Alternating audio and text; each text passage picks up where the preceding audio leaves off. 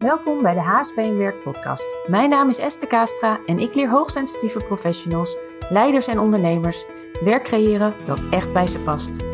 In deze podcast inspireer ik je graag over alles wat met hoogsensitiviteit en werk te maken heeft.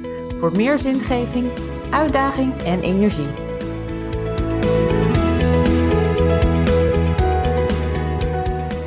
Het is weer tijd voor een podcast. Superleuk dat je luistert. Vandaag ga ik het met je hebben over rejection sensitivity. En ik neem gemiddeld twee podcasts per maand op. En de dag dat ik dit opneem is 31 juli.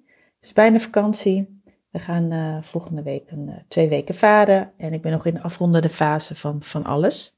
Maar vandaag uh, wil ik vooral even met je hebben over rejection sensitivity. Want je hoort het woord misschien wel vaker, of misschien heb je er nog nooit van gehoord maar het betekent afwijzingsgevoeligheid. En rejection sensitivity, oftewel afwijzingsgevoeligheid, komt heel veel voor bij hoogsensitieve mensen. Je kent het misschien wel dat jij iemand bent, of je herkent het voor jezelf, dat je iemand bent die zich snel aanpast aan de ander. Um, maar dat je ook vaak bezig bent met dat wat een ander van jou zou kunnen vinden. Uh, dat je bang bent dat je niet leuk gevonden wordt, of dat je het gevoel hebt dat je door de mand gaat vallen. En dat zijn allemaal ja, als je die signalen ziet bij iemand, of een bepaalde blik ziet bij iemand, of een bepaalde trigger krijgt, kan het zijn dat er bij jou allerlei alarmbellen afgaan en dat je dan denkt van, oh, afwijzing, afwijzing, dat wil ik niet voelen. Nou, om dat dus te vermijden, dat gevoel van afwijzing, want het gaat heel diep, uh, ga je dus eigenlijk allerlei aanpassingen doen in je werk en leven. Ga je dingen doen die misschien niet helemaal jouw natuur zijn, maar die voorkomen dan dat jij je zo gaat voelen. En dat is heel normaal. Dat hebben alle mensen kunnen last hebben van rejection sensitivity. Alleen is het zo dat uh, als hoogsensitief persoon kan het net uh, wat heftiger zijn. Kan, kun je er sneller last van hebben. Omdat als het ontstaan is bij jou, dat het ook dieper ge, vastgezet is in je lichaam eigenlijk. Omdat je ook gevoeliger bent. Omdat jouw hersendelen die daarmee te maken hebben, die, ja, die, die zijn actiever. Je zenuwstelsel is gevoeliger, je stresssysteem is sneller geactiveerd. En dus is dat trauma, hoe groot of hoe klein ook, eerder er bij jou ingeprent. Nou, ik ga je vandaag uh, wat meer vertellen over, uh, nou ja, waar merk je het nou aan dat je last hebt van rejection sensitivity? Hoe ontstaat het? Daar heb ik eigenlijk net ook al wel wat over gezegd. De link met hoogsensitiviteit heb ik eigenlijk ook al wel wat over gezegd. Dus ik was in de intro al heel veel aan het vertellen. Uh, de invloed hiervan op je werk, uh, en wat je kan doen om ermee om te gaan. En het is heel leuk, want ik heb een nieuw, nieuw speelgoedje eigenlijk. Ik heb sinds kort een Remarkable, misschien ken je dat wel.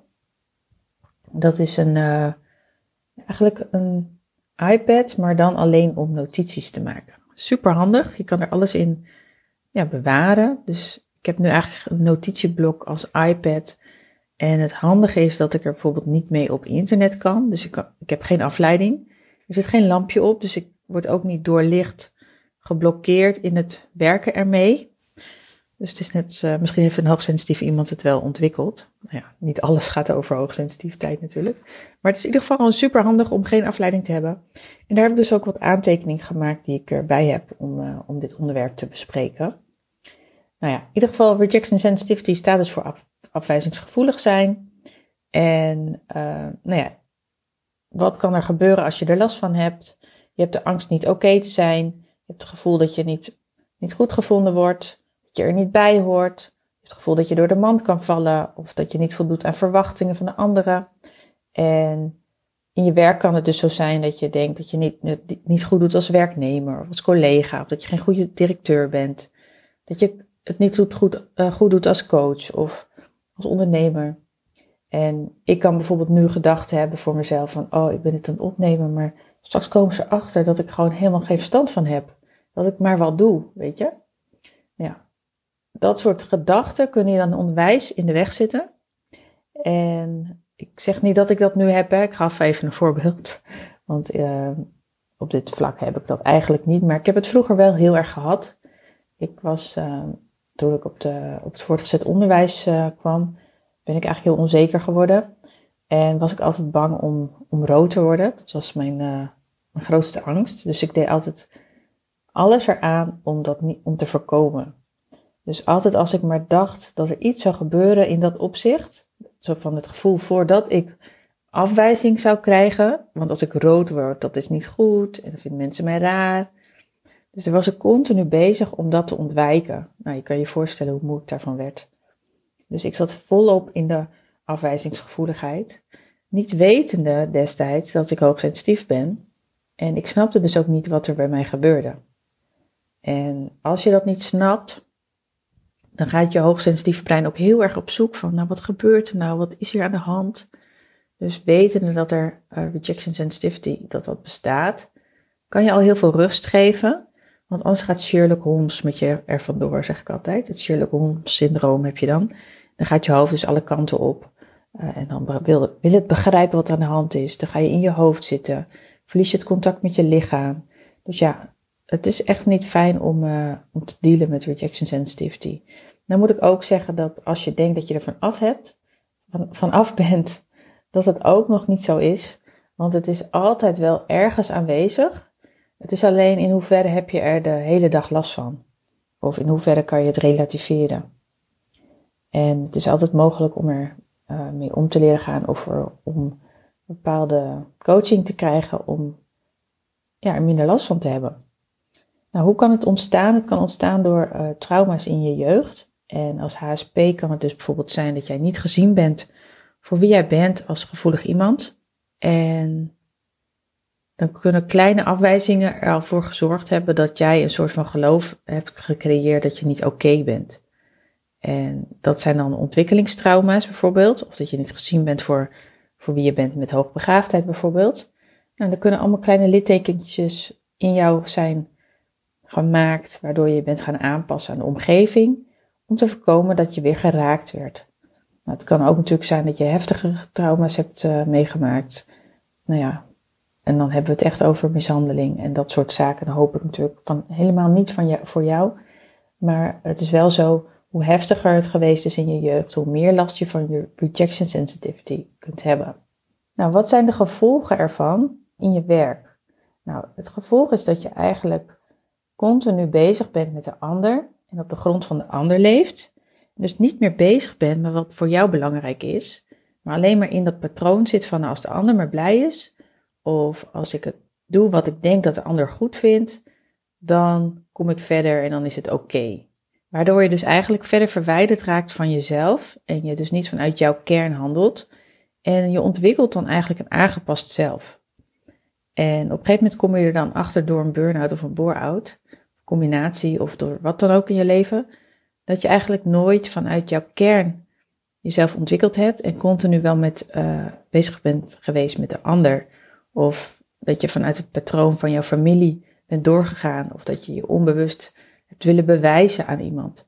Zo had ik het er laatst nog over dat bijvoorbeeld mijn oma wel vroeger eigenlijk arts worden. En dat is, dat is ze nooit geworden.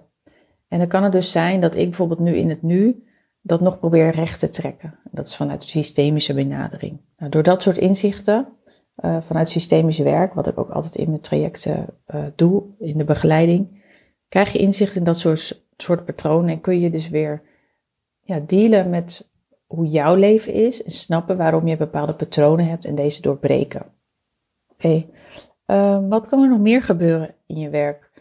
Nou, dat je dus jezelf heel ver ontwikkelt, maar dus niet vanuit wie jij van nature bent. Uh, dus dat je jezelf de verkeerde kant op ontwikkelt eigenlijk. En het heeft heel veel invloed uiteindelijk natuurlijk op jouw energie, uh, op jouw privéomstandigheden, op je relaties. Uiteindelijk ook financiële gevolgen, want je kan niet potentieel volledig benutten. Je kan niet er alles uithalen wat erin zit.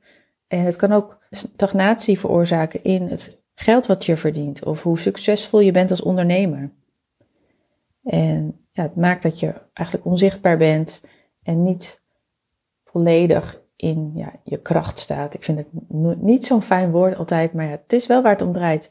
Je kan jezelf niet helemaal zichtbaar maken vanuit wie jij bent van nature.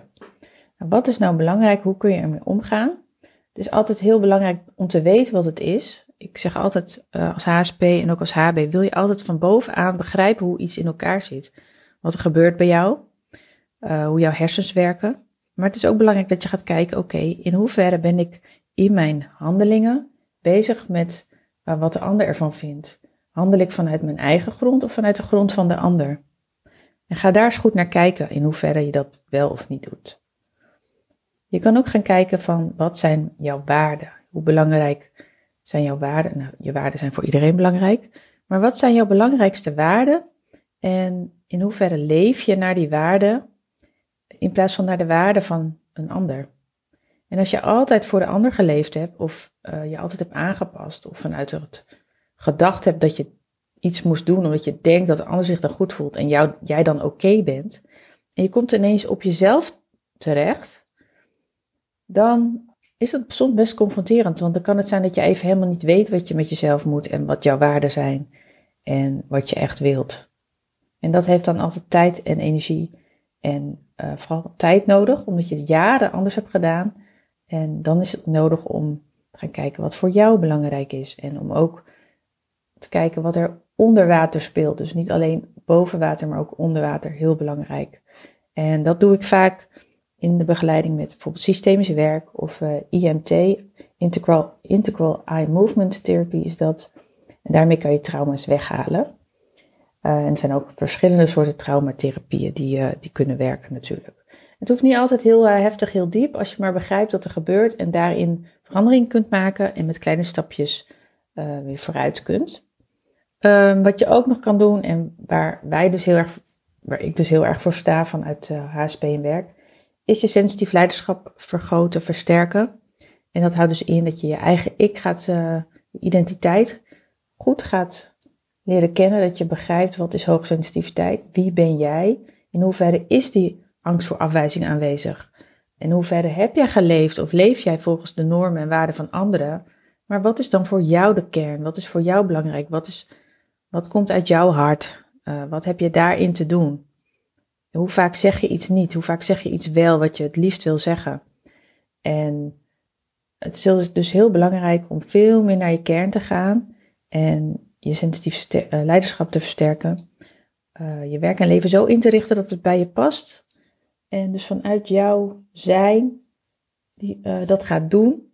Waarin je dus weerstand gaat ervaren. Waarin mensen dus iets van jou kunnen gaan vinden. En dat kan dan heel vervelend zijn. En voorheen heb je dat altijd, misschien niet altijd, maar heel vaak ontweken. Dat iemand daar wat van vindt. Of dat je de angst hebt willen vermijden. Of het gevoel hebt willen vermijden. Wat daarmee te maken heeft. Uh, maar wat je dan gaat doen, is dat gevoel gaan we analyseren en kijken waar het vandaan komt. Dat gaan we verzachten. Waardoor je wel bepaalde stappen kunt maken. Omdat, die niet, omdat het geen triggers zijn voor wat oude pijn is. Dus dat is ook een heel groot onderdeel van sensitief leiderschap. Nou, ik hoop dat je wat meer hebt geleerd over rejection sensitivity. Ik wil je sowieso nog wel even motiveren om het echt eens aan te kijken, om echt eens te gaan kijken in hoeverre ben ik met de ander bezig of ben ik met mezelf bezig. En um, nou ja, mocht je er meer over willen weten, wil je erin begeleid worden, stuur dan een berichtje naar contact.hspnwerk.nl Bekijk het programma Sensitief Leiderschap, vul het vraagformulier in en dan kunnen we altijd eens kijken of wij jou kunnen helpen in het versterken van jouw sensitief leiderschap. Maar onder ook het dealen met jouw rejection sensitivity een heel belangrijk deel is. Heel erg bedankt en een fijne dag vandaag. Doei doeg!